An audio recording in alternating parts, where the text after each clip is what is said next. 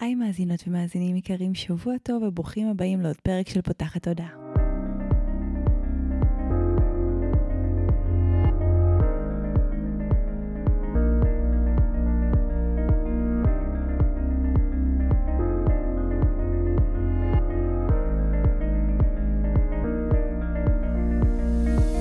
זו הפעם הראשונה שלכם כאן, פותחת הודעה היא תוכנית שנועדה להעביר רעיונות, לאתגר תפיסות קיימות, ולפתוח את צורת החשיבה האוטומטית שנהוגה אצל כולנו לכל מיני כיוונים חדשים, במטרה להכניס לחיים שלנו יותר כלילות, שלווה, זרימה, אהבה, קרבה וחופש, גם במערכת היחסים שלנו מול עצמנו וגם במערכות יחסים נוספות. אני ניצן אלפסי, אני המנחה של הפודקאסט הזה, ואני מאמנת תודעתית ומלווה תהליכי העצמה אישית בעזרת כלים מעולמות התמודה, האנרגיה והרוח, ובפודקאסט הזה אני גם מראיינת וגם מדברת בעצמי על כל מיני נושאים שמעניינים אותי, מסקרנים אותי, ואני חושבת שהם בעלי ערך וצריכים להגיע גם לאוזניים שלכם. רגע לפני שנתחיל, אני אגיד שהפרק של השבוע הוא פרק שהוקלט כבר uh, לפני uh, כמעט חודשיים, לפני המלחמה. נהיה לנו כזה החיים שלפני המלחמה והחיים שאחרי המלחמה.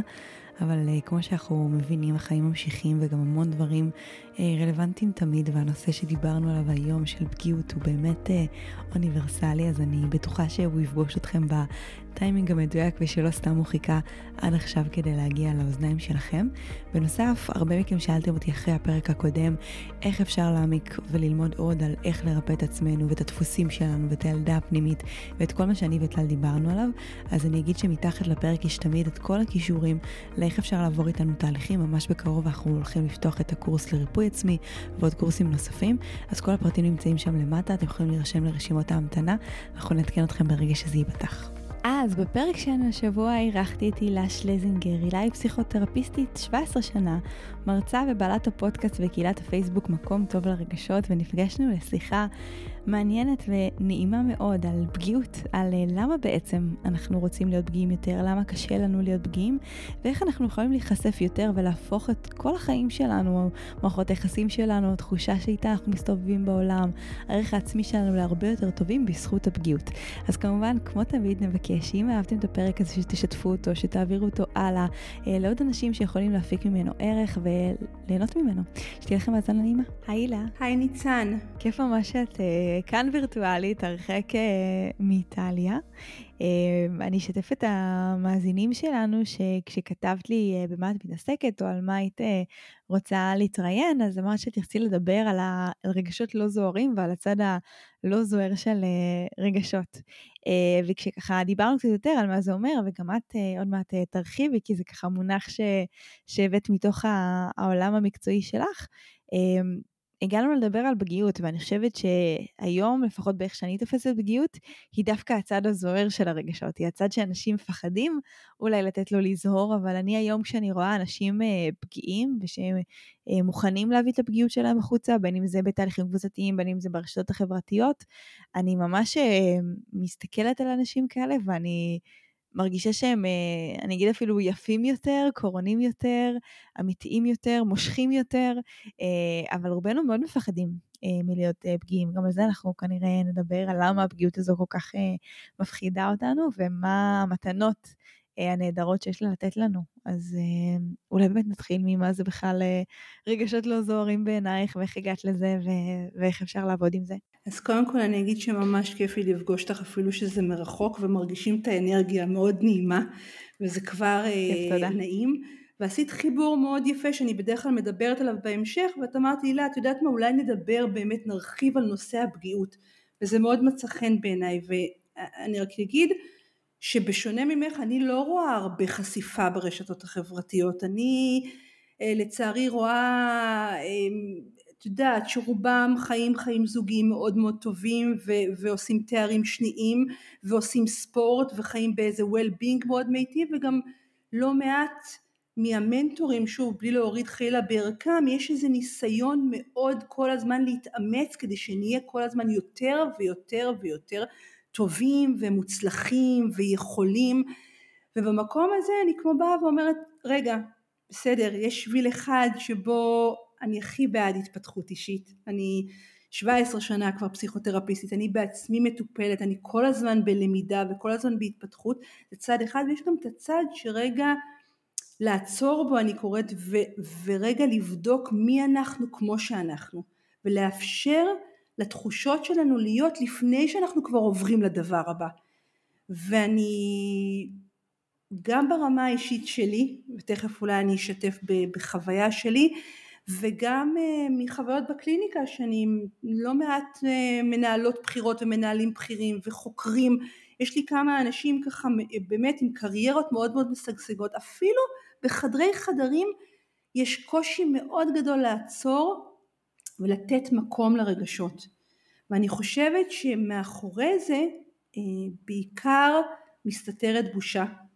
ויש גם את האלמנט כמובן התרבותי ויש איזשהו פחד כמו שאת אמרת מאוד גדול מלהיות פגיע כי ברגע שאני חשופה אני מרגישה הרבה יותר. לגמרי, אני חושבת שהתנועה הזאת שאני מתארת ברשת החברתיות זה קודם כל זה, זה עוד משהו יחסית חדש שאני רואה, זאת אומרת המון אה, שנים אנשים הראו חיים מושלמים וחופשות והכל היה עם פילטרים, ואני כן מרגישה שבשנה האחרונה אז אנשים כזה כבר יותר מורידים פילטרים, גם עיצוביים, אבל גם רגשיים. יש כאלה שלוקחים את זה גם לשימוש אה, ציני, שמעלים תמונות כאילו בוכים, אבל כזה בצורה קצת מנותקת מהקשרה.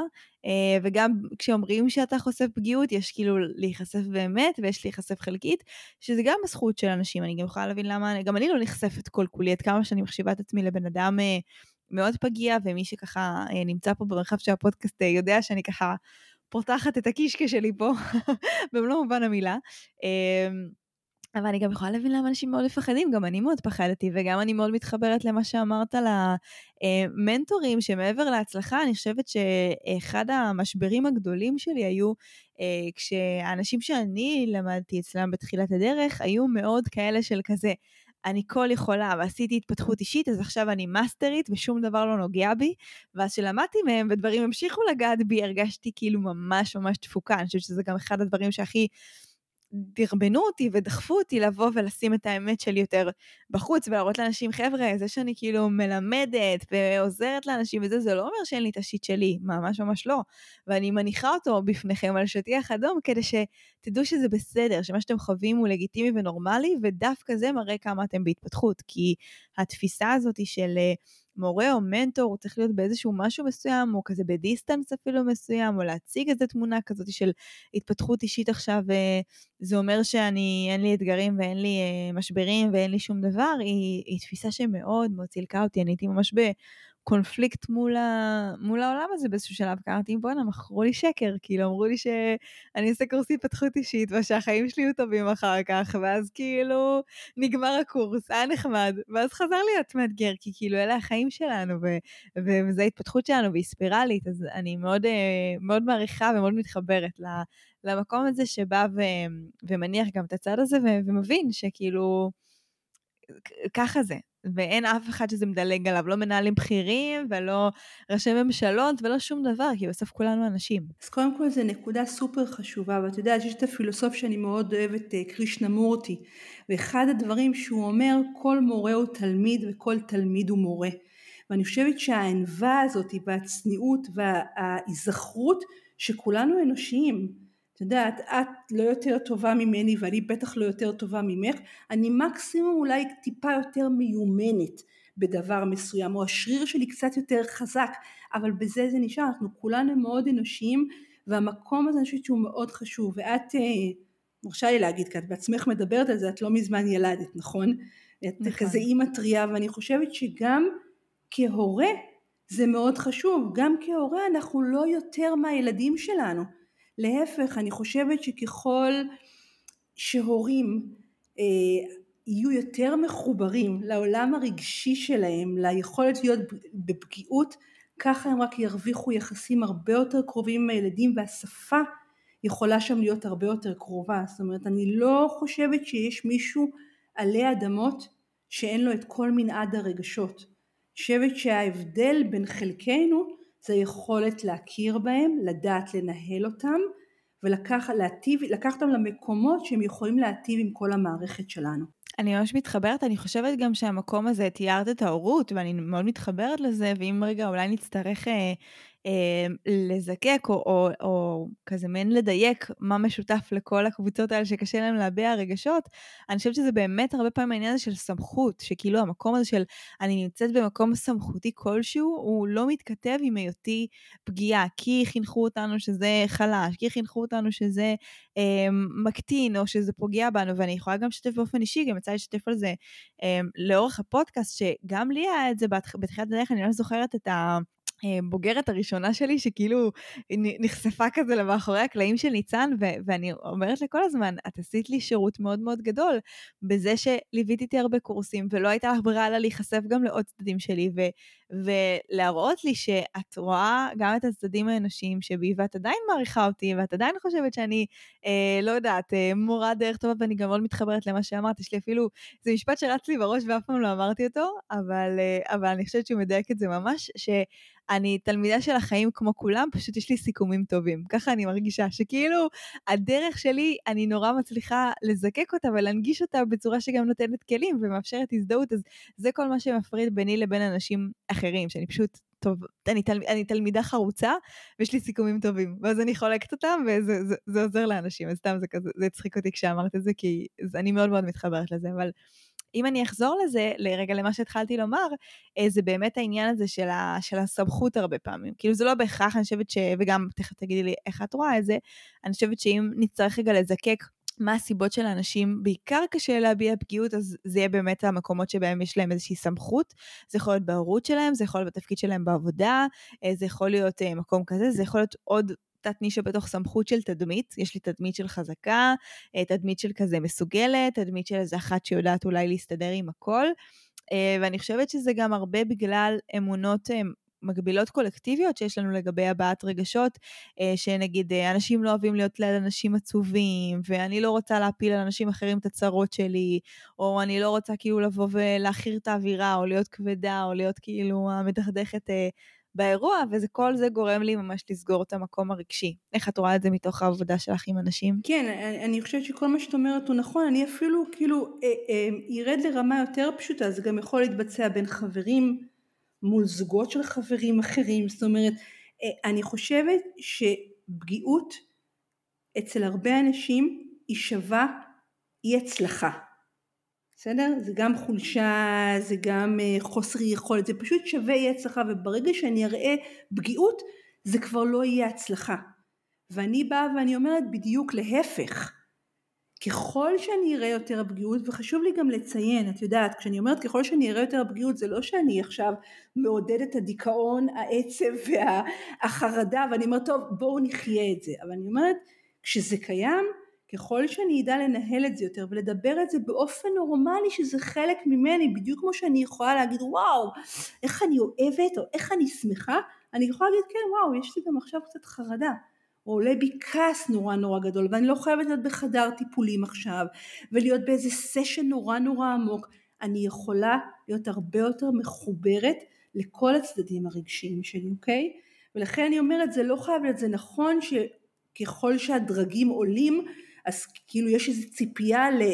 אני קוראת לזה להיות ממש סטיב אוסטין כזה, להיות הדבר הכי מושלם שיש, אז בכלל הבריאות, אבל אני אומרת את זה, זה גם מופיע ביום יום מול אנשים, אני גם רואה לא מעט הורים שלא מראים פגיעות ליד הילדים שלהם, שכאילו אמא יכולה להיות כועסת אבל משהו מאוד מאוד מסודר, מאוד מהודק, ושוב, זה לא בגלל שהם לא רוצים רק ליד הילדים, שהם בעצמם לא יודעים לנהל את המערכת הזאת, אוקיי? אני אז... ממש יכולה להתחבר, וגם כתבתי לי שאני כאילו חושבת שאולי לפני שנגיע לדבר על איך אנחנו אה, חושפים פגיעות, אולי שווה שנדבר רגע על איך בכלל מתחברים לרגשות שלנו, כי מרגיש לי שזה איזשהו שלב מקדים שלהרבה אנשים הוא, הוא, הוא חסר, בגלל שאנחנו חיים באיזשהו אה, נמנום רגשי וחוסר כזה של הרגשות, אז המון פעמים המקום הזה יכול להיות גם מקום אה, שהוא הוא, הוא, בבסיס שלו יהיה לנו קשה, כאילו, אוקיי, רוצה שאני אחשוף את הרגשות שלי אם אני אפילו לא יודעת מה הם, אם אני לא יודעת לדבר אותם, אם אני לא מספיק אה, בכלל בקשב או בתקשורת פנימית בשביל לזהות אותם כשהם עולים, אז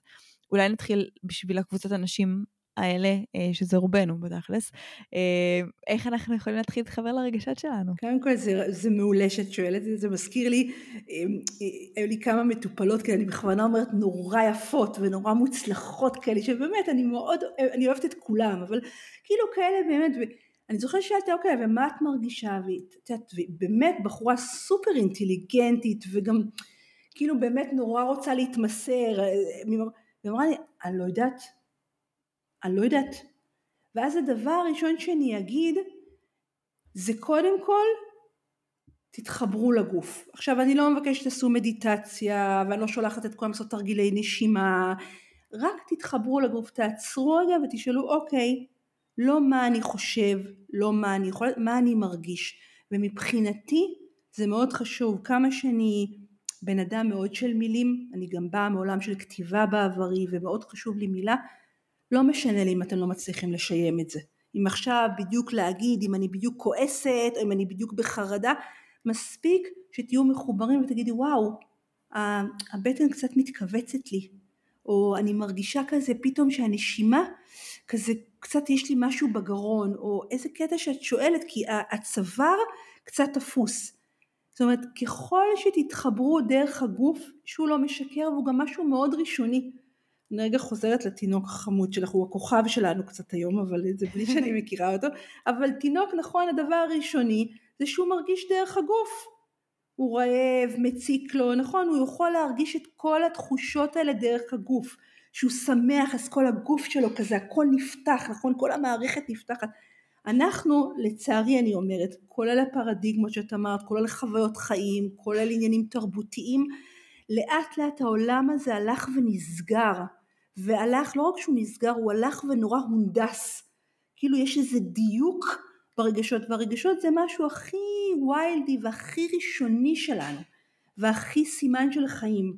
אז אני אומרת, גם אם אתם לא בהתפתחות אישית, בסדר? וגם אם אתם לא מחוברים למדיטציה, פשוט תראו מה קורה בגוף. ודרך המקום הזה אפשר לפעול. מדהים, אני ממש ממש מתחברת לזה, אני חושבת שהמון פעמים אנשים נתקעים במקום הזה של לשים אה, שם, וגם אני ממש בעד, כאילו, יש המון שיטות שמדברות על החשיבות של השיום של זה כחלק מהכרה.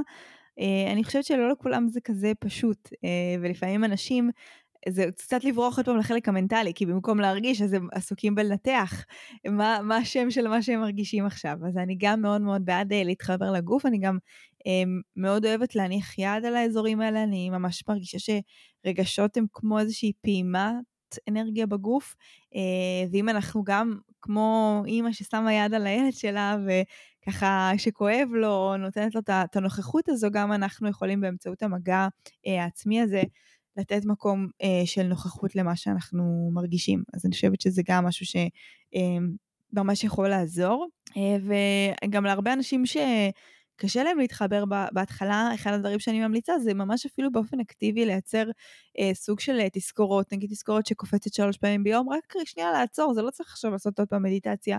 אני ממש בגישה שלך, כאילו שנייה רק לתהות, לעצור את, ה, את, ה, את הקצב ואת הרצף היומי, ורגע, מה אני מרגישה עכשיו? מה אני מרגיש עכשיו? בלי שם, בלי כלום. רק להיות עם זה כמה רגעים, אפשר לנשום על זה כמה נשימות, אה, בלי לנסות לפתור את זה, בלי לנסות לראות איך מחליפים את זה במשהו אחר, בלי לנסות לעשות את זה בשום דבר. שזה נורא מוזר, ככה מגיעים מעולם של פתרונות.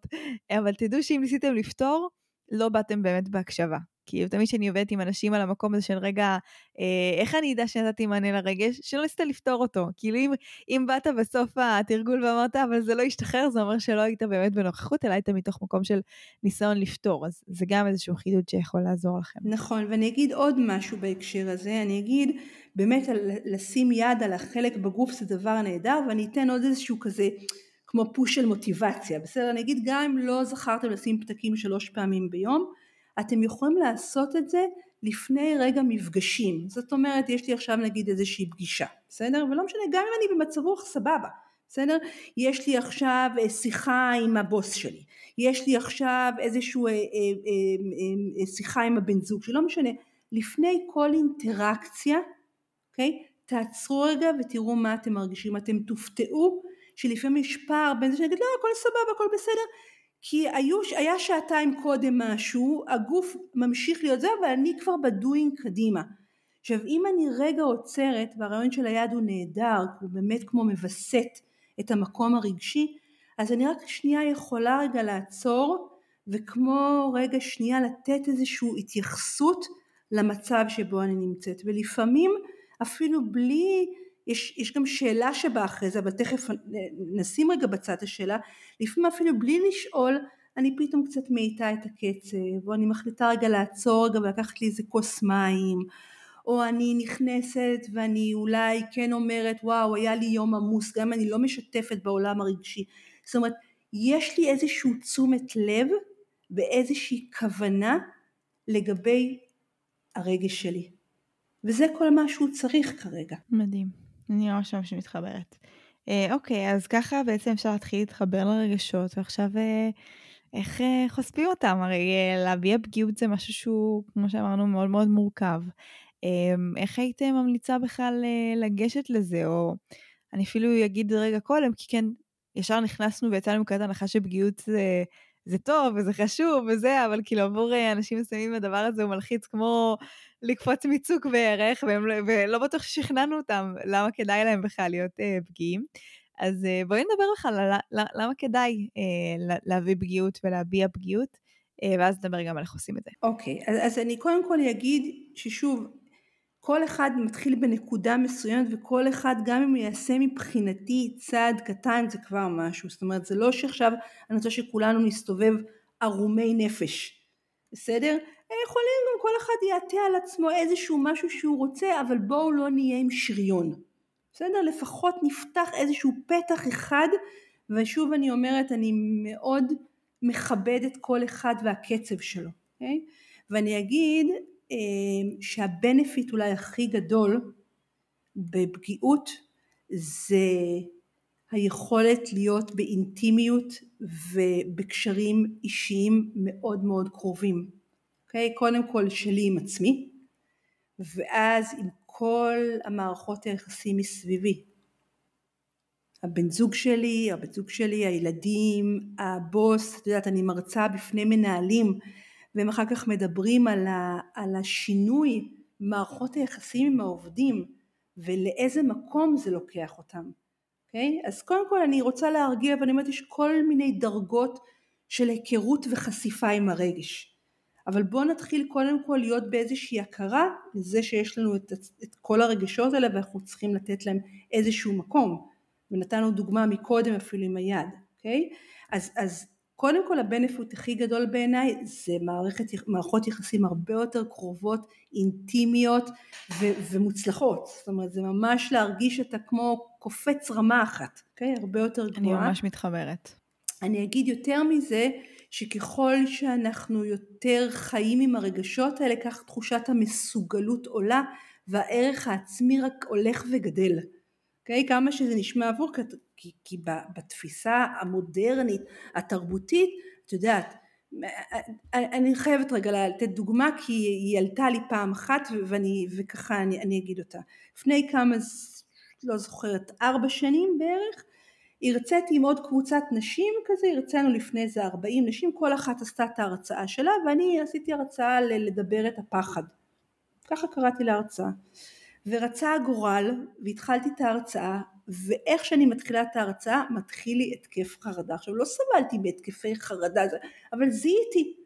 בהתחלה כזה נשמתי וזה המשיך להיות באיזשהו שלב לא יכולתי כי ממש מי שחווה פעם התקף חרדה יודע שיש כזה עצבים כזה בידיים ופתאום הכל כזה מתחיל לרעוד ויש יובש בפה ויש איזה אי שקט. אוקיי? Okay? עכשיו זה גם לא שעמדתי על במה גדולה והקהל היה מרוחק ממני זה ממש כמעט כמו שאני ואת עכשיו מקרבה מאוד זה כמו בסלון 40 אנשים שלא יכולים שלא לראות את זה אז עצרתי רגע היה שם כיסא כזה בר התיישבתי ואמרתי הנה walk the talk אני מדברת לגמרי את המקום של החרדה וזה קורה עכשיו אני לא יודעת למה אני רגע שותה כוס מים. אם אתם יכולים רגע לנשום כזה יחד איתי אני לא יודעת מתי זה יעבור. והמשכתי ככה לאט לאט את הנעים זה לא היה. בסדר? לא, זה לא יעזור כלום, זה לא נעים, הייתי מוכנה לוותר על זה, זה לא משהו שהרגשתי דרכו מוצלחת, אבל אני חייבת להגיד שאחרי האירוע הזה, תחושת המסוגלות שלי עוד יותר עלתה. זאת אומרת שאם אני יכולה לשאת עם עצמי מצב שהוא באמת קצת מצב קיצון אני קוראת לו, בסדר? לא קורה הרבה, כן. שאתה גם מדבר על משהו וגם חווה חרדה תוך כדי וגם מול 40 או 50 נשים שמאוד קרובות פיזית לראות, זאת אומרת זה קצת, אה, זה באמת מצב קצה. אבל אני חייבת להגיד שבמצב הקצה הזה זה הביא אותי למקום הרבה יותר גבוה ביכולת שלי גם להיות עם הפגיעות וגם בעומס שלי או בנוכחות שלי על במה. אז, אז אני באה להגיד שככל שאנחנו יותר נאפשר לפגיעות להיות נוכחת, שוב לא חייב להגיע עד הקצה, לא תכננתי את זה, אבל ככל שנאפשר לפגיעות להיות יותר נוכחת, ככה תחושת המסוגלות, הערך העצמי שלנו רק ילך ויעלה. אני ממש ממש ממש מתחברת למה שאמרת. אה, אני גם אגיד שמבחינת אה, מערכות יחסים, אה, זה אחד הדברים שכשאני כאילו לפני בערך שנתיים הבנתי שיש לי ממש פער בין הדמות כאילו שאני בחוץ לבין הדמות שאני באמת. זה, מעבר לזה שזה היה קונפליקט מאוד מאוד גדול, אחד המקומות שראיתי שזה בא לידי ביטוי, שגם אנשים שאני מכירה שהם לא קשורים כאילו לעסק או לדברים האלה, שפתאום אני כבר כאילו מרגישה שאני לא יכולה להראות לאדם קושי או, או להתלונן, או שלכאוב, כי כאילו איך זה יכול להיות? את, את, את, את ניצן לבחור באור, את אמורה להיות כל היום אה, עם אה, קשת וענן עפה לך אה, מאחורה. ו... זה ממש שמתי לב שכאילו אין לי הרבה מערכות יחסים שבהם אני מרגישה שאני יכולה כאילו להביא גם את כל הפיכסה הזה שנמצא בפנים אה, לפעמים. וזה ממש משהו ששמתי לעצמי כאיזושהי מטרה להתחיל להביא יותר את החלקים האלה.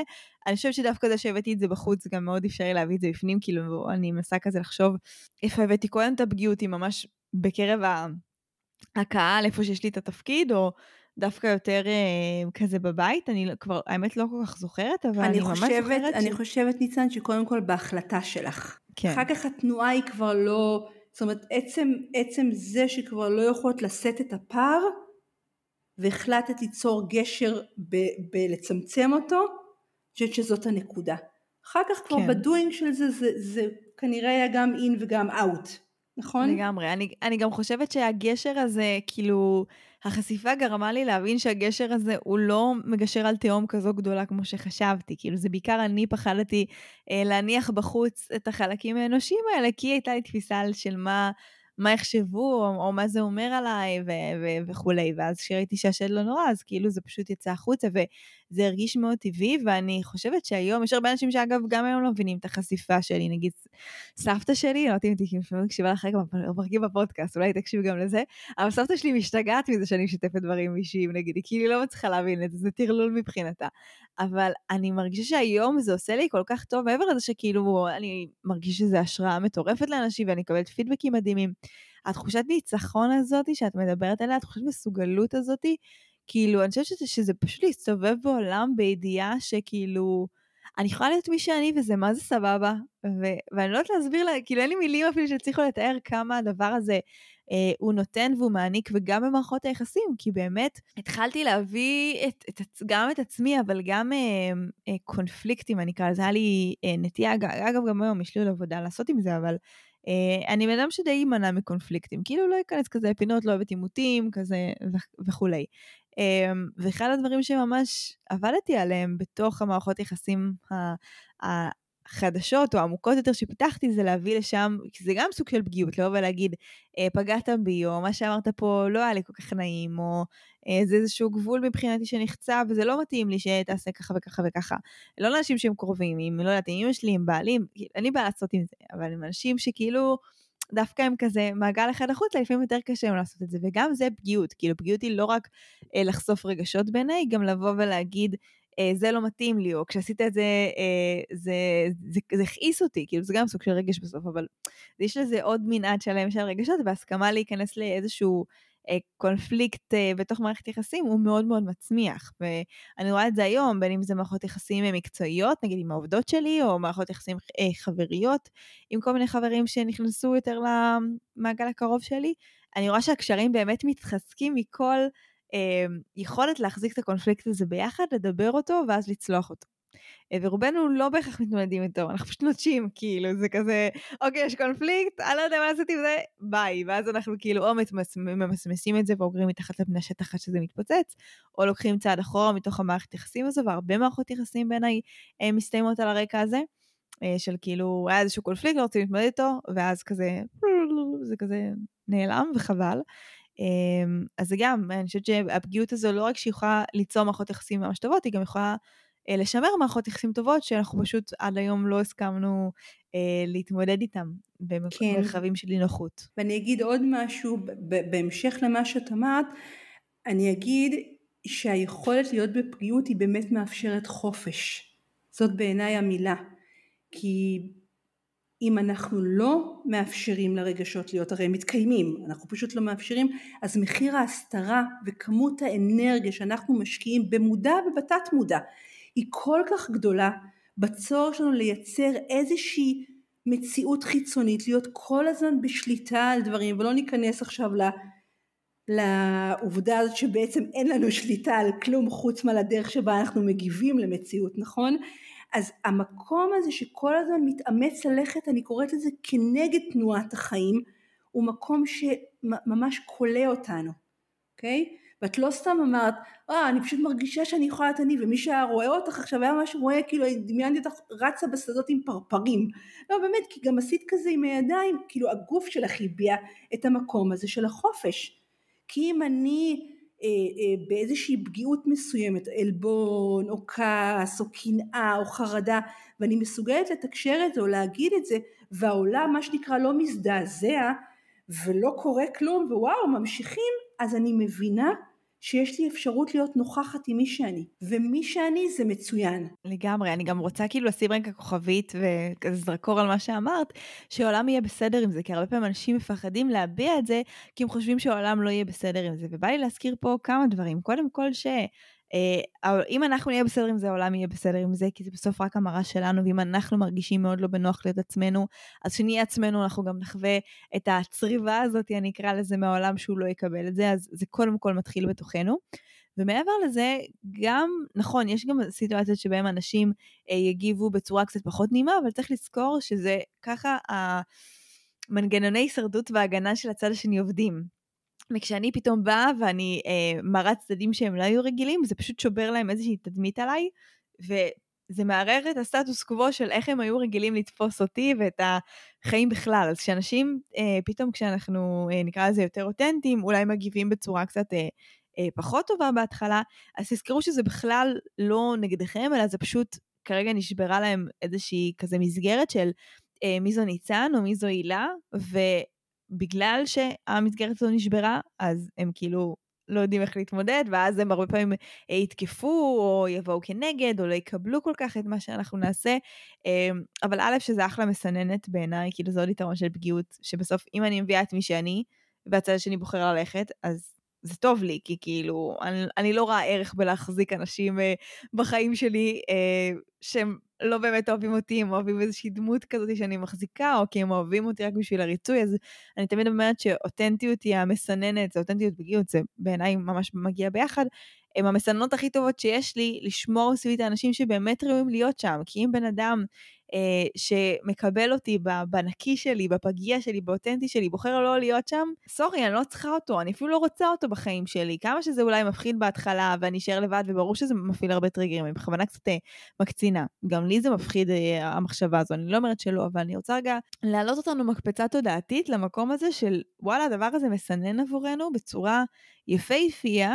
את האנשים שאנחנו באמת רוצים לצידנו, אנשים שאוהבים אותנו כמו שאנחנו, כי אם הם אוהבים רק איזושהי דמות כזאת שיצרנו להם כלפי חוץ, איזה ערך יש לדבר הזה? אז רגע, אני רוצה, אני רוצה רגע להגיד משהו על זה, בסדר? כן. אני. מסכימה איתך, אבל אני רוצה רגע להגיד, קודם כל, לפעמים זה גם ההורים שלנו. ולא כל כך מהר אפשר להגיד למסנים, טוב, אני לא מדברת על מעגלים של חברים שבאמת אני קוראת לזה גם עם ההתבגרות וגם עם הסחן לפעמים אנחנו משילים מעצמנו מערכות יחסים שכבר לא מתאימות לנו ובאמת זה מסנן יש בו משהו בפגיעות או ביכולת להיות אותנטית ש, שכבר אתה חי את זה אתה גם מרגיש האם אתה מסוגל להיות עם אנשים אחרים. ואני יכולה לתת לך דווקא דוגמה יש לי דוגמאות קצה כזה גם דוגמה מאוד כזה של אירוע בריאותי שדווקא אני לא רוצה ללכת לשם לא כי אני לא מדברת, אני מדברת על זה המון, אני דווקא הולכת למעבר לאיטליה, בסדר? שעל פניו באמת זה כאילו שינוי מדהים, אף אחד לא הכריח אותנו, לא ברחנו מהארץ, אנחנו בשליחות, אמנם יש לי שתי מתבגרות, שני כלבים, שני חתולים, היינו צריכים לעשות מעבר, והמעבר הזה היה כרוך בהרבה מאוד אתגרים באמת באמת לא פשוטים, אוקיי? Okay? מורכבים, לי קצת היו גם קצת עניינים רפואיים, היו, יש פה שתי מתבגרות, הרבה מאוד דברים, שפה חד... המון המון המון דברים. עכשיו זה לא שלא ידענו את זה קודם, ועדיין אני חוויתי הרבה מאוד בדידות, אוקיי? זאת אומרת, עם כל, מה זה בדידות? יש לי אה, אה, בנות מקסימות, בן זוג מהמם, אבל כל אחד בענייניו, אני עובדת רוב הזמן בזום, מרצה בזום, מקליטה בזום, אבל בחיים שלי הרגשתי הרבה בדידות, יש לי המון חברות טובות בארץ, לא המון, אבל יש לי חברות טובות בארץ, והחוויית בדידות הזאת אני כל הזמן דיברתי עליה, ואני שמעתי מכולם, טוב, בסדר, שנראה, מה, מה יש להתלונן, איזה בית יפה, ואת תראי איך את מסתדרת, ותראי, עכשיו, לא אמרתי, חשוב לי להגיד, לצד הפגיעות, או הרגשות הלא זוהרים, או המקומות היותר מורכבים, יש גם שביל שיש בו המון דברים נפלאים, זה לא או-או. זה גם וגם. זאת אומרת לצד זה גם חווינו חוות משפחתיות מקסימות ובאמת איטליה מקסימה ואני לומדת את השפה וזה נורא מאתגר אותי אבל יש גם את הצד האחר וגם לא נתתי מקום ובזכות זה שנתתי מקום ולא הלכתי אחרי הפתרונות או ה... אני קוראת לזה סתימת פה לא במובן הרע כי אנשים אה, בסך הכל מדאגה ומאהבה אליי אבל מאוד קשה הרבה פעמים לאנשים להבין שיש גם וגם שהדברים הם יותר עגולים ואם אני שוב חוזרת לתחילת השיחה שדיברנו אוף דה רקורד זה, בדיוק כמו בחדר כושר שאתה לא תתאמן על חלק אחד ולא על חלק אחר אתה רוצה שכל הגוף יהיה במיטבו אותו דבר המערכת הרגשית יש בה גם וגם. ולכן אני אומרת לא תמיד קלה עדיפה או להוציא אותה מהחיים אפשר פשוט לא ללכת אחרי הקולות האלה זאת אומרת לדעת למה החשיבות שלי אז או שכתבתי על זה גם הבדידות הביאה אותי להקים קהילת ישראליות במילאנו. זאת אומרת זה גם הביא אותי בזכות זה שדיברתי את הפגיעות בזכות זה שרגע נתתי מקום בזכות זה שהיו לי ימים כאלה אני קוראת להם ממש סרט טורקי אוקיי של כזה בבית ואני נורא לבד וקר פה וכאילו מין מקום כזה שכאילו באמת קשה, באמת, יש משהו בבדידות בתור בן אדם נורא חברותי שאנחנו מערכים מלא וזה, זה היה פער מאוד גדול, עם כל האהבה שלי לארבעתנו, אבל היינו רק אנחנו, ובאיזשהו מקום לי זה היה מאוד מורכב המקום הזה, לנפש שלי, אוקיי? אז דווקא בזכות שנתתי לזה מקום, יכולתי אחר כך לנוע עם זה קדימה, אוקיי? זה מדהים, וגם בא לי לשים עוד איזשהו משהו על אה, ספוט כזה, על מה שאמרת, ש... גם להבין שזה לא מבטל, זה שכאילו איזה בית יפה יש לך, או איזה חוויה מדהימה משפחתית, זה לא מבטל את הקושי, וזה גם שהרבה פעמים אנשים מפספסים, שהחוויות שלנו הן, כמו שאמרת, הן עגולות, כאילו הן מרכיבות בתוכן ומכילות בתוכן מגוון ומנעד מאוד גדול. אה, זה כמו שהיה לי הרבה שיחות אה, עם... עם איליה בעלי, כשעשינו את ההכנה ללידה, והוא כאילו, הוא לא הצליח להבין איך בתוך ניצן שכל כך רוצה ילד, יש גם ניצן שכל כך מפחדת מילד. ואמרתי לו, הן ממש מתקיימות אחת לצד השנייה. אני לא רואה ביניהם שום סתירה, יש בי חלק ש, שמשווע וחיכה לילד הזה כל כך הרבה זמן, וגם היום אוהב אותו. אהבה שכאילו, אני לא יודעת איפה קונים עוד מקום אחסון ללב, כי אני לא יודעת איפה מכילים את כל האהבה הזו, ולצד זה, יש רגעים מאוד קשים, ויש רגעים שאני אומרת, אלוהים ישמור, איזה קשה זה, אני מביאה רק שני ילדים, זה ממש ממש קשוח, וזה לא סותר את זה שכאילו זה האושר הכי מטורף שחוויתי בחיים שלי. אז זה גם נראה לי אנחנו כאילו שנייה לזכור שזה לא שחור או לבן. אה, ושהדברים מורכבים, ושל, וגם כשאנשים משתפים אותנו, אפרופו בכאב שלהם, להסכים להיות איתם. אה, זה רגע לצד אה, של מי שמפנים אליו פגיעות. אם אני באה אלייך ואני שותפת אותך בצורה פגיעה, אז גם כנראה שפחות יעזור אם רק כזה תנפנפי לי ב... אבל יש את זה, אבל יש את זה, אבל יש את זה, נכון, אנחנו אנשים של פתרונות, אנחנו לא טובים בלהקשיב אה, תמיד, או לתת אמפתיה לצד השני, שלפעמים כאילו הצד השני, כל מה שהוא צריך זה שנגיד, וואי, נכון, זה באמת ממש קשה. ולא נזכיר לא את הבית היפה, ולא את ההזדמנויות הטובות, ולא את אה, זה שאת באיטליה, ויש לך פסטה והחיים אה, יפים, אלא פשוט נכיל את, את הכאב הזה, אז זה גם איזושהי נקודה כזה שהייתי רוצה כבר להניח פה אה, אם זה עלה, כי היא, היא מאוד מאוד חשובה, גם לנו כשאנחנו באים לשתף אה, את הפגיעות שלנו, אנחנו גם אפילו יכולים להגיד את זה, כשאנחנו משתפים, נגיד לבוא ולהגיד, וואי אלה, את יודעת, אני רוצה לשתף אותך ב, באתגרים כזה שאני חווה מאז שאני אימא, אבל uh, בא לי גם לבקש שכזה לא נחפש בשיחה הזו פתרונות, שכזה רק תקשיבי לי, או רק כזה תתני לי את התחושה כזה שאת, שאת כזה מבינה, אם את מבינה או אם את מתחברת, אבל, אבל שלא ננסה כזה, לא יודעת מה, לפתור את זה, או לחשוב כזה, זה ממש, יש לזה מונח, אופטימיות אה, רעילה זה נקרא, קצת קשה עם המילה רעילה, אבל אפשר לקרוא לזה גם אופטימיות אה, מאולצת, או אה, אני דברים כאלה. רגע, אני אגיד רגע בכוכבית, כי דיברת על, על, על אמפתיה, אני אגיד שיש סרטון מהמם של ברנה בראון, ששתינו ככה מאוד מחוברות, נכון? אז אולי תוסיפי את זה, סרטון מאויר מקסים על ההבדל בין אמפתיה לסימפתיה, מאוד, עם מלא הומור.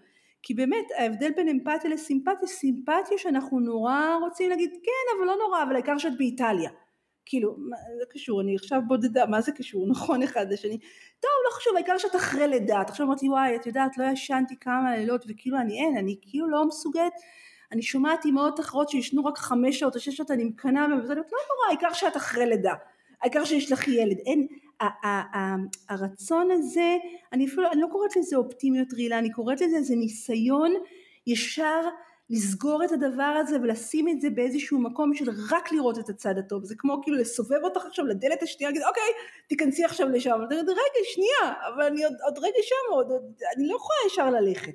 אוקיי? אז הדלתות האלה קיימות כל הזמן ואני אגיד עוד נקודה חשובה שאת גם דיברת עליה מקודם וגם אני כשהגם וגם מתקיים יש לנו גם בצדדים הזוהרים, הרגש הזוהר, אנחנו חווים אותו באופן הרבה יותר שלם. כי אין לנו את האנרגיה של ההסתרה. זאת אומרת שאם אני הרשיתי לעצמי לדבר את הבדידות שלי, גם יכולתי לחוות את הצדדים הטובים שקיימים פה באופן מלא. אבל אם הייתי כל הזמן מסתובבת קהילה הכל יכולה, ומה זאת אומרת, לא נעים עכשיו, בכל זאת, אייל בתפקיד, והבנות הן בנות מתבגרות, ואני אמורה להראות להם איזשהו, באמת, הכל עליי, ולקחת את ה... אז גם לא הייתי מסוגלת, באמת, כשאנחנו הולכים למסעדה, או יוצאים קצת לחופש, או עושים משהו, באמת להיות באיזושהי נוכחות מלאה עם הדבר, כי אני כל כך עמוסה רגשית, שלא התפנה המקום. ולכן זה benefit עוד אפילו אני אגיד לא יודעת אם יותר גדול אבל כל כך חשוב כי ברגע שאנחנו יש לנו את ה... אני קוראת לנו את החובה, אני אפילו לא אומרת את הזכות, את החובה להיות אנושיים ולהרגיש כל מנעד הרגשות בא לידי ביטוי באופן הרבה הרבה יותר שלם. מדהים. אני מאוד מאוד uh, מתחברת, זה גם כזה מאוד מחבר אותי לברנה בראון, שגם uh, יש לה סרטון uh, נפלא של כוחה של פגיעות, uh, אז גם הוא המלצה חמה, אני חושבת שצפיתי בסרטון הזה איזה מאה פעם, mm-hmm. כאילו ממש הרבה פעמים, לא, לא בטוח שמאה, אבל לדעתי לפחות עשרים. Uh, שתדעו, יכול להיות שבהתחלה כזה לא תבינו את ההומור שלה, או שזה יהיה מהיר מדי, אבל תנו לו צ'אנל, תצפו בו כמה פעמים, סרטון באמת... באמת מופלא. אני אחזור רגע אה, למשהו שאת כאילו באת להגיד לי ולא סגרנו אותו, אז אני אסגור אותו אה, גם, ואת תוסיפי גם אם תרצי להגיד לזה משהו, שאמרתי אה, שאותנטיות ופגיעות זה סוג של מסננת, ואז אמרת, מה, כאילו, מה עם ההורים שלנו? אז אולי זו באמת שאלה שיכולה לעלות אה, לאנשים שנמצאים כאן, ואני אה, יוצאת מנקודת הנחה, שההורים שלנו הם אוהבים אותנו, וגם אם בהתחלה יהיה להם קשה, הם בסוף יסתגלו למצב החדש. זה גם קורה הפוך, אני גם פעם יצא לי לספר את זה, אני מספרת את זה הרבה בתוכנית שלי אה, שנקראת עכשיו אני, יש שם ממש פרק שלם שמדבר על רגשות ומדבר על אותנטיות ועל שחרור מתאביות ותפקידים, וממש אה, מרחיב את מה שאנחנו מדברות עליו כאן. ואחד הדברים שאני מספרת זה שכשאני התחלתי להיות כזה נורא בבחירה בעצמי, לאימא שלי זה היה כאילו סופר קשה, והיא כאילו, היא ממש, אה, אפילו סוג של הענישה אותי כזה של, את בוחרת בעצמך, אז אני בוחרת שאת לא תבואי להסתובב איתנו, כאילו היא לקחה את זה נורא נורא נורא קשה. Uh, וזה עבר לה, ויותר מזה, אחרי התהליך שלי, אז גם היא התחילה תהליך בעצמה, ואז היא התחילה לבחור בעצמה, ואז לי היה קשה, כי אני רציתי את סתם את האוטו, הייתי אז ממש צעירה, הייתי בת איזה 22, עוד לא היה לי אה, כאילו, בדיוק יותר רכב משלי, אבל כזה עוד הייתי גרה אצל ההורים וזה, ופתאום הבחירות שלה בעצמה באו על חשבון הנוחות שלי, ואז אמרתי, איזה קטע זה, שכאילו אני באתי נורא עם הדגל הזה של כזה, חשוב לבחור בעצמנו, אבל כשהיא בחרה בעצמה, וזה היה לי לא נוח, אז גם אותי זה פתאום שם במקום שמתעורר בו אנטי, ואז זה, זה ממש עזר לי להטמיע ולהבין את העניין הזה, שזה שלאנשים קשה עם הבחירה שלנו בעצמנו, עם הפגיעות או עם האותנטיות או מה שזה לא יהיה, זה עוד פעם רק כי זה שם אותם באזור לא נוח, אבל אם הם אוהבים אותנו והם רוצים את טובתנו, ואני רוצה להאמין שההורים שלנו הם כאלה, הם ימצאו את הדרך אה, לייצר גשר. זה אולי ייקח קצת זמן, אולי זה יעבור דרך מורכבות. אני לא באה פה לפתור את כל הבעיות, אבל אני מניחה לכם את, ה, את ה, איך שאני רואה את זה מתוך החוויה שלי. ואני אגיד על זה עוד משהו קטן אה, שדיברת עליו מקודם, אמרתי שלא יכולים להיות עירומים נפשית לגמרי. אני אף פעם לא מפילה את עצמי על אנשים, בסדר? זה חשוב, לא משנה, לא בגלל היותי מטפלת, אלא בכלל, אני חושבת שגם מול כל אחד אתה יכול להרגיש עד כמה אתה יכול להיות חשוף. מספיק שאנחנו מבינים את רמת הרגש שאנחנו נמצאים בה, ואנחנו יכולים לבחור מול מי וכמה ועד איזה עומק אנחנו מתקשרים את זה, וזה בסדר, כי אני לא באה לחנך אף אחד, בסדר? זה לא שעכשיו אני באה, אני אומרת, אוקיי, זאת הדרך עכשיו שכולם יפעלו ככה. אני רק אומרת, זאת הדרך שלי, זה בסדר שאתם נורא רוצים כבר שאני ארגיש נורא שמחה ואראה רק את הדברים החיוביים באיטליה, אבל זה הבחירה שלי. עכשיו, אם מישהו מוכן להקשיב לזה ולתת לי רגע חיבוק או לתת לי איזה הכלה על הכיפק ואם מישהו לא אז לא, לא בהכרח אני אבחר לשתף. זה עדיין לא אומר שאני אדבר רק על הצדדים הטובים ואני אהיה הפי הפי ג'וי ג'וי בגלל שזה מה שהוא זקוק. זאת אומרת יש פה מנעד יש פה ריינג' מספיק רחב שאני לגמרי יכולה להיות בשליטה עליו. מדהים, אני מאוד מאוד uh, מסכימה איתך, ואם כבר נכנסנו לכזה קצת טיפים על איך אנחנו יכולים להיות פגיעים, אז בואי נמשיך, בואי ככה, אנחנו כבר uh, מדברות uh, זמן uh, בלתי מבוטל, uh, אז כזה לקראת uh, הסגירה של כל הנושא הזה, בואי uh, נגיע לתכלס, לקור, איך אנחנו באמת יכולים... Uh, להיות יותר פגיעים בתוך המערכות יחסים בחיים שלנו, איזה טיפים את יכולה לתת לאנשים, איך להתחיל ואיך לעשות את זה בפועל. אוקיי, okay, אז אה, אני פחות מתחברת למילה טיפים, אל תכעסי okay, אוקיי, עליי, אבל אני מבינה בסדר. איזה נקודות כאלה שהם איזה, כן. okay. לא בגלל שאני אני, כאילו, אני לא מרגישה שיש לי את הזכות בכלל לתת טיפים, אוקיי? Okay? אני יכולה להגיד מתוך הניסיון שלי, יש כלים מסוימים שכל אחד יבחר מה לקחת. אני חושבת שקודם כל זה מתחיל ברמת השפה הפנימית. תתרגלו הרבה יותר מה אני מרגישה. או מה אני מרגיש מאשר מה אני חושב או מה צריך להיות. ממש זה כמו נודניקים כאלה, אתם יודעים, אני ג'ינג'ית עקשנית קצת, אז אני אומרת כמה שיותר תגיד, תשאלו את עצמכם מה אתם מרגישים, יכול להיות שבהתחלה תגידו לא יודע, לא זה, ואז תלכו רגע שנייה לגוף, אפילו תיקחו איזה שתיים שלוש נשימות, ואם קשה לכם לעשות את זה במהלך כל היום אז תעשו את זה שוב לפני לפחות אינטראקציה עם אנשים אחרים, לא משנה עם מי, עמית שלכם בעבודה, אה, בוס שלכם, אה, אימא שלכם, בן זוג של... לא חשוב מי, אוקיי? זה אחד. דבר שני, אני מאוד ממליצה על כתיבה. ולא כתיבה, שוב, אני חסידת המילים, אבל לא יומני היקר ולא משהו מסודר. מרגישים איזשהו להט פנימי, תכתבו, קחו פיסה, תכתבו אותה. אל תקראו את זה אחרי זה, אל תכניסו את זה לאיזה יומן, אל תנתחו את זה גם, כאילו, מבחינתי תקראו, תכתבו ותקראו בעין אחר כך ותזרקו לפח. Okay? אוקיי? חלק מממש להוציא את, את מה שאנחנו מרגישים ואז נשארת רק התחושה ואז אפשר לראות רגע מה קורה בגוף. Okay? אוקיי? אמ, דבר נוסף זה באמת השפה, זה כמו שאת אמרת, אם אני, אם אני חוץ מלדבר לעצמי, כשאני באה לבנות שלי או לבן זוג שלי, זה, אני קודם כל אומרת אני מרגישה ש, אוקיי? Okay? לא אני חושבת, לא זה, לא מדברת על דברים שצריך לעשות בבית, אני מרגישה. עכשיו זה לא בהאשמה, ושוב זה לא אסטרטגיה בשביל לקחת את הצד השני להקשבה, אלא זה באמת, אני אומרת, אף אחד לא יראה אותנו אם אנחנו לא נראה את עצמנו. לא יעזור, יהיה הבן זוג הכי מדהים שיהיה, והורים הכי נפלאים, ובאמת ילדים שאוהבים אותנו אהבת נפש, אף אחד לא ייתן לנו את המקום אם אנחנו לא ניקח אותו. ולא בכוונה, כי ככה זה עובד בחוקים הקוונטיים. וכשאני אומרת אני חושבת, אני מרגישה, סליחה, לא אני חושבת, אני מרגישה, אני כבר שמה את עצמי בנוכחות. כבר יש לי מקום. Okay? אוקיי? אז זה גם כן משהו שהוא חשוב מבחינתי.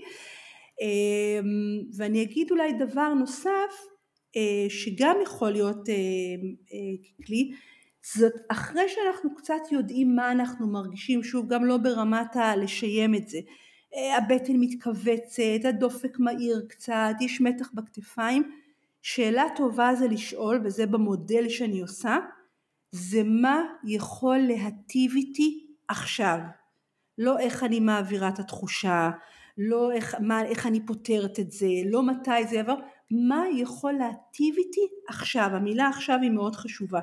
אם הדבר כמו שהוא, עם הכעסים או עם העלבון, מה יכול להטיב איתי?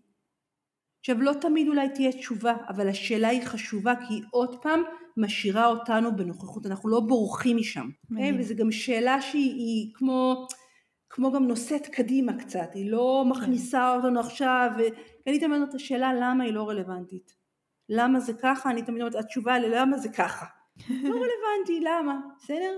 אבל כן, מה יכול לעזור לי עכשיו, ואז שוב, ככל שתתרגלו את זה יותר, וזה כבר אולי לפרק אחר בזה, ככה אתם תדייקו יותר את הצרכים שלכם. זאת אומרת רגשות וצרכים ומקום וערך עצמי ממש הולכים ביחד במעגל. לגמרי. אני ממש יכולה להתחבר, אני יכולה גם להוסיף במקום הזה למי שרוצה לתרגל אה, יותר אה, פגיעות בחיים שלו, זה שאפשר אפילו לחשוב, אה, נגיד הרבה אנשים שואלים אותי, רגע, איך, איך, איך אני מתחילה? אז נגיד אחד, ה, אחד התרגילים שאני נותנת אה, באמת בתוכנית שדיברתי עליה עכשיו אני, זה ממש לקחת אה, אה, ואו לבחור בן אדם שכבר קרוב אליי ואני הולכת לשתף אותו במשהו קצת עמוק יותר אה, ממה ששיתפתי עד עכשיו, או לקחת אנשים כאילו, שאני לא רגילה לשתף אותם ולשתף אותם במשהו קצת אה, יותר אישי, או להכניס את זה, או כאילו להעמיק בכמה עמוק אני נכנסת עם אדם שאני מכירה, או, או לפתוח אולי משהו עם אדם חדש. וגם בא לי להגיד שהרבה פעמים הפגיעות שלנו פותחת גם אנשים אחרים, זאת אומרת, אנחנו, אה, זה גם איזה משפט כזה יפה באחלי של מי הוא, שכשאנחנו מאפשרות לעצמנו לזעור באור שלנו, אנחנו מאפשרים גם לאנשים אחרים אה, לזעור באור שלהם. וכשאנחנו על אותו משקל מאפשרות, מאפשרות ומאפשרים לעצמנו להיות יותר פגיעים, אז אנשים אחרים גם מתחילים להרגיש יותר בנוח. אני רואה את זה אגב גם הרבה, אה, זה היה לי עם קולגות, שבהתחלה הייתי כזה מרגישה שנורא יש כזה דיסטנס כזה שנפגשות פעם ראשונה, ואז כזה הייתי מניחה איזשהו קושי, ואז כאילו שהן רואות שוואלה, גם אני התמודדתי עם זה, אז כאילו פתאום גם הן היו נפתחות, ופתאום כזה כל החומות והדיסטנס המקצועי הזה פתאום היה כזה נמס. זה, זה ממש יכול לקרות בכל כך הרבה זירות, אז זה רק לבוא ולהתחיל להתנסות ו- ולראות איפה זה מתאים לי, ונורא נורא התחברתי לאמירה שלך, לא צריך להוריד את כל השריון. אפשר בסך הכל לתת פתח ו- ולשאול מי האנשים שהייתי רוצה להיות קצת יותר אני מולם, קצת יותר פגיעה מולם, קצת יותר חשופה, ואני אגיד שכאילו כשכבר עושים את זה, עבורי יש בזה משהו אפילו ממכר, התחושת אה, כאילו שחרור והחופש וה... עול שיורד מאיתנו כל פעם שאנחנו מסכימו, מסכימים ומסכימות אה, להשיל מעלינו את הדברים ולהיות פגיעות, הוא באמת, הוא כל כך נעים, ואני אני ממש מתמלאת בתחושה של הודיה כשאני עושה את זה, כאילו אחרי שאני כזה, וואו, הסכמתי להניח את זה, וואו, אה, איזה, איזה אה, פתיחות זה יצר במערכת יחסים שלי עם החברה הזאת, שזאת, ש, זה שאמרתי לה את הדבר הזה עכשיו, או איזה הקלה זה שהיה לי נגיד איזה פוסט כזה שכתבתי אה, קצת אחרי הלידה, ש... זה היה מצחיק בדיוק על הפרק שלי על כניסה להיריון, וקצת אחרי זה ילדתי. ובפרק אני נורא מספרת על כזה שאמרתי, אין, אני מוכנה לוותר על הכל, אני מוכנה להתמסר להורות, ואז ההורות הגיעה ואמרתי, מי זאת ולמה היא אמרה את זה? כאילו זה ממש ממש קשה.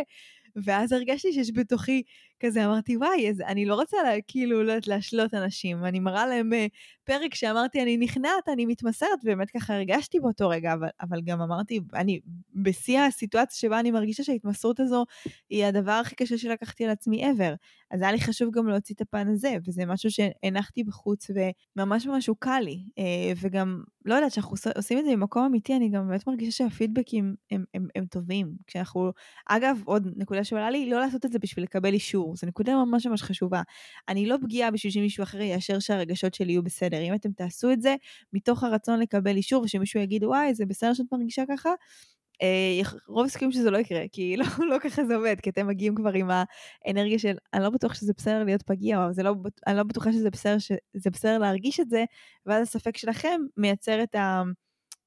חוסר ההלימה הזאת מבחוץ. אז חשוב גם ממש שאנחנו באים אה, לשתף את הדברים ומביאים את הפגיעות הזאת, שזה יהיה מתוך מקום שלא מנסה לקבל אישור, אלא עושה את זה קודם כל בשבילי, בשביל שאני אהיה יותר בחוץ. כן, אני אגיד על זה כמה דברים. אני אגיד קודם כל, אין צורך לקבל אישור בגלל שזה מה שקיים בכל אחד מאיתנו. זה כמו שנגיד, הרמתי את ידי ואומרים, טוב, זה בסדר שיש לך יד ימין. זה לא משהו בכלל שיש בו אישור, מותר או אסור, אוקיי? זה הכל שאלה עד כמה אני מוכן לחשוף את זה. אוקיי? זה אחד. דבר שני, דיברת על עניין של רגע, וזה מאוד חשוב. וזה כמו מחזיר את זה רגע לתנועת הלב אני קוראת לזה. זה נורא בסדר שלפני הלידה זה מה שהרגשת, באותו רגע אמרת וואו אני רק מוכרחה להתמסר, כל ההורמונים היו הכל היה זה, ואחרי הלידה הרגשת אחרת, זה רגש הוא לא משהו מוחלט לכל הזמן, הוא משהו שקורה, עניין של רגע זה מאוד חשוב וזה מאוד מתחבר לי לשאלה שאני אומרת מה יכול להטיב איתי עכשיו, בסדר? זה שאמרת שזה מאוד קשה זה לא את לא יכולה, את לא, לא אימא נפלאה וזה לא שאת לא הולכת אה, לגדל את התינוק שלך וללמוד אותו ולהתפתח, לצד זה יש גם רגעים מורכבים וקשים ופתאום הזוגיות מקבל, יש כל מיני דברים שצפים שוב אחד ליד השני וגם הכל זה מאוד עניין של רגע בסדר? ומאוד צריך להסתכל על המקום של עכשיו. כשהעלית את העניין של התרגיל שאת נותנת על אה, או בן אדם מאוד קרוב או לא, שזה תרגיל נפלא, אני אומרת אם קשה לכם אפילו לגשת פיזית, אפשר או לדמיין את זה, ממש ליצור, לעשות תהליך דמיון שזה מאוד עוזר, או לשבת ולכתוב את זה. אני נפגשת עכשיו עם דני, אוקיי, ואני אומרת, זאת אומרת, תעשו קודם כל איזשהו תהליך עיבוד שלכם זה מאוד יקל כי בסופו של דבר המוח לא מבדיל בין דמיון למציאות אז השלב הזה מאוד יכול לעזור לנו. מהמם אהבתי לגמרי. אה, וואו, טוב הילה, אני מרגישה שיצא לנו פרק מושלם. הבאנו פה באמת אה, הרבה מאוד אה, תוכן וערך, ואני מקווה שמי שיאזין לנו אה, קצת יותר מוכן לאמץ את הפגיעות לחיים שלו, למרחב שלו, למערכות יחסים שלו, אה, ומבינים ככה כמה ערך אה, גדול יש לדבר הזה. אז אה, תודה רבה על כל החוכמה והענווה שהבאת לכאן, אה, ותודה על הזמן שלך. תודה רבה, נהניתי מאוד, ואני ממש מאחלת לכל אחד ואחת שתיתנו לעצמכם להרגיש, באמת. תודה, ניצן. תודה רבה. אז אם אנחנו רוצים לסכם את הפרק העשיר הזה שהיה לנו עם הילה, הנה כמה דברים שאפשר לקחת ממנו.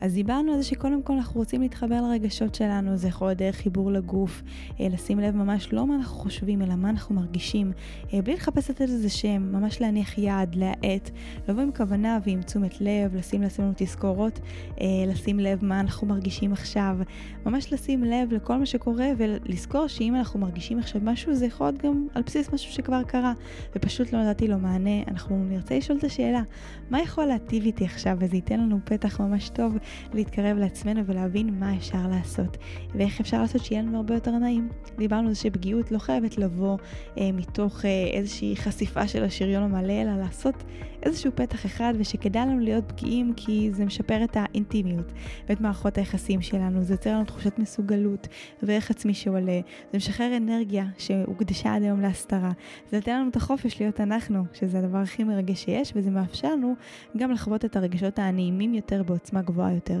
ודיברנו שמי שרוצה להתחיל להיחשף ולהביא את עצמו כלפי חוץ, יכול להתחיל קודם כל לבחור מול מי וכמה אנחנו רוצים להיות חשופים. אפשר ממש להחליט או לקחת אנשים חדשים ולהתחיל לחשוף בפריט מידע לא מאוד אישי, או לקחת אנשים כבר קיימים שאנחנו סומכים עליהם ולהכניס אותם קצת יותר פנימה למאחורי הקלעים של הנפש שלנו. אפשר גם בדיבור מולם, אפשר לדמיין שאנחנו כותבים להם, אפשר לדמיין שאנחנו אומרים להם, כל הדברים האלה יעזרו לנו להיכנס בעצם לתדר.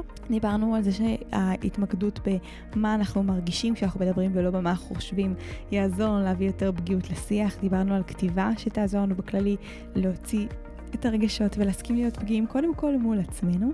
וברגע שאנחנו באים ונותנים לעצמנו את הנוכחות הזאת בתוך המרחב אה, אנחנו ממש מאפשרים לאנשים לראות אותנו אה, ולא לשתף כדי לקבל אישור אלא לשתף לצורך השיתוף שלנו גם אם אנשים בהתחלה לא בהכרח ידעו אה, איך לאכול את זה ולקבל את זה בסוף אם זה אנשים שאוהבים אותנו הם יהיו שם בשבילנו וילמדו להסתגל גם לדברים שאנחנו נביא למרחב אז אנחנו ממש מקוות שנהנתם ונתרמתם מהפרק הזה ואם כך היה ממש נשמח שתפיצו אותו ושתשתפו אותו בכל דרך שתבחרו כדי שהוא יגיע לעוד אוזניים שצריכות לשמוע את הידע ואת הערך הזה. תודה רבה שהאזנתם ונתראה בפרק הבא.